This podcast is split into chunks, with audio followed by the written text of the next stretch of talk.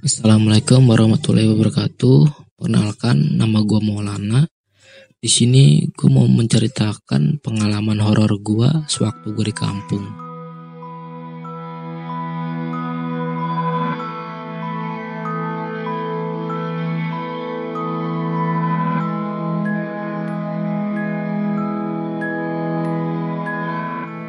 Kejadian ini sudah berlangsung 4 tahun yang lalu sewaktu gue sekolah di kampung kelas 11 SMK kalau nggak salah. Waktu itu sepulang sekolah gue berniat untuk mencari-cari handphone gitu, handphone second. Dan akhirnya gue browsing-browsing di grup Facebook. Gue cari-cari orang yang mau ngejual dan akhirnya gue dapet satu orang lalu gue coba chat orang itu untuk gue ajakin ketemuan buat COD-an berhubung waktu siang itu orangnya masih kerja dia nggak bisa ya kan? Jadi orangnya nyarankan untuk coba nanti sore jam 6 tuh dan gue kepikir panjangnya ya udah gue bilang oke okay, gitu kan. Nah setelah sore gue udah siap buat COD azan maghrib berkumandang.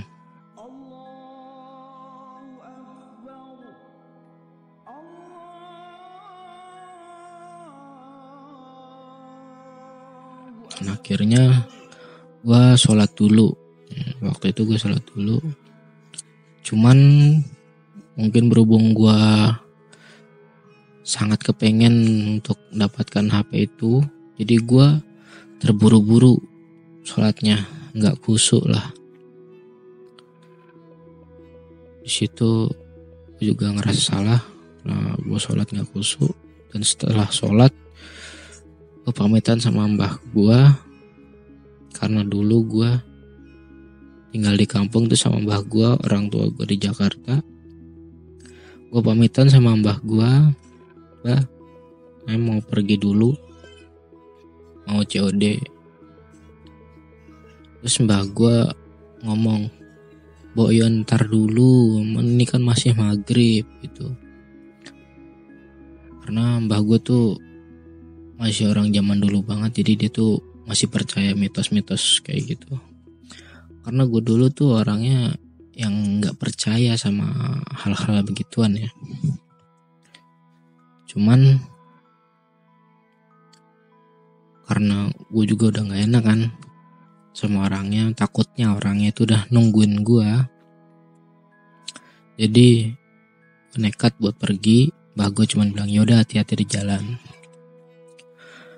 Gue pergi dan oh ya di sebelah baratnya rumah gua itu adalah jalan yang mau gue lewatin. Nah di situ adalah uh, kayak apa ya? Jalannya tuh bersebelahan dengan persawahan gitu. Persawahan yang luas kalau orang Jawa di kampung gue tuh bilangnya itu bula, bula sawah yang luas gitu. Dan sebelum sawah itu tuh ada kayak pohon-pohon besar tuh kayak pohon-pohon mahoni dan di situnya juga ada batas desa. Batas desa gua dan desa tetangga gitu. Dan di sebelah batas desa itu terdapat pohon bambu yang katanya itu angker kata orang-orang di kampung gua. Karena katanya tuh banyak yang digangguin gini-gini. Banyak yang dilihatin penampakan apa apa apa gitu. Cuman karena gue nggak percaya hal yang gituan kan jadi gue ah paling cuman mitos. Cuman hati kecil gue nggak nggak bisa bohong sih karena gue orangnya penakut. Jadi gue was was gitu ya. Dari perjalanan itu gue udah emang was was gue selalu tengok ke kiri ke arah yang katanya orang-orang suka ngeliat itu di pohon-pohon bambu itu. Setelah sampainya gue di batas desa gue kayak ngerasa lega gitu. Karena gue nggak ngelihat apa pun gitu. Gue tadi udah lega ah berarti cuman omong kosong ini. Nggak ada. Gue udah lega. Tetapi uh, setelah itu gue kan menengok ke arah timur ke sebelah kanannya dari batas desa itu. Di situ gue ngelihat ada rumah kosong kecil dan di depan rumahnya itu ada kayak gapura. Gapura dan sebelah gapura itu ada kayak kalau orang Jawa bilang tuh adalah pohon tetean yang kayak pagar gitu warnanya hijau. Dan di situ tuh lokasinya juga emang gelap banget. Jadi cuman yang gua andelin cuman cahaya lampu motor doang. Cahaya lampu motor situ. Emang benar-benar gelap karena jarak rumah warga dari kampung sebelah sampai kampung ke gue itu jaraknya cukup jauh ya jadi di sepanjang jalan itu emang benar-benar sepi dan di situ di rumah kosong itu di depannya di sebelah uh, gapuranya itu gue melihat ada sesosok putih tinggi besar yang gue sebut itu pocong. Kenapa gue bisa bilang itu pocong? Karena gue melihat uh, dia itu pakai kain putih dan masih ada ikat ikatannya itu seperti ya kalian tau lah kalau orang yang baru meninggal dipakai kain kafan gitu putih terus diikat pakai tali.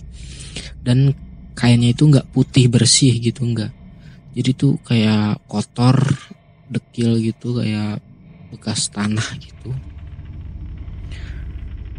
gue ngeliat di situ bener-bener dia tuh berdiri di situ dengan mata kepala gue gue ngeliat banget jelas. Dan itu baru pertama kalinya ngelihat hal seperti itu. Yang awalnya gue nggak percaya dengan hal-hal begituan gue ngeliat dengan mata kepala gue sendiri itu benar-benar ada. Di situ gue udah panik banget gue udah nggak tahu harus gimana lagi gue nggak bisa berkata-kata juga akhirnya gue udah gue tancap gas motor gue padahal di situ tuh jalanan yang gue lewatin tuh jalanannya rusak parah. Banyak batu-batu besar gitu. Pokoknya lubang-lubangnya banyak.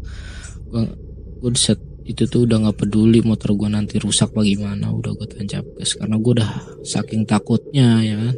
Ngelihat itu penampakan itu gue udah tancap gas aja karena gue ya nggak mungkin juga dong gue balik.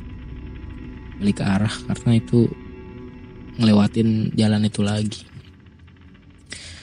Gue udah tancap gas gue COD selesai gue COD gue nunggu dulu di situ gue nunggu dulu beberapa menit karena gue masih takut ya. gue masih takut. Menunggu dulu setelah itu baru gue pulang gue pulang dan pas gue pengen lewat jalan itu lagi gue gue masih perasaan gue tuh masih nggak enak masih takut dan hasil dan alhasil gue memilih untuk mencari jalan lain gitu. Ada juga emang jalan lain itu cuman itu jalannya lebih jauh karena memutar desa desa tetangga dulu muterin. Situ gue lewat jalan lain itu karena gue udah nggak mau lagi nanti gue takut gue ngeliat sesosok Mr. P itu lagi gue nggak mau. Karena itu bener-bener nyermin buat gue gue juga ya sampai sekarang ini nggak bisa ngelupain itu. Gue sampai di rumah gue ceritain ke mbah gue mbah gue cuma karena mbah gue juga tadinya emang udah nyaranin nggak pergi maghrib maghrib mbah gue cuma bilang makanya nurut kata orang tua kalau dibilang. Di situ gue nyesel banget dan gue juga nyesel karena udah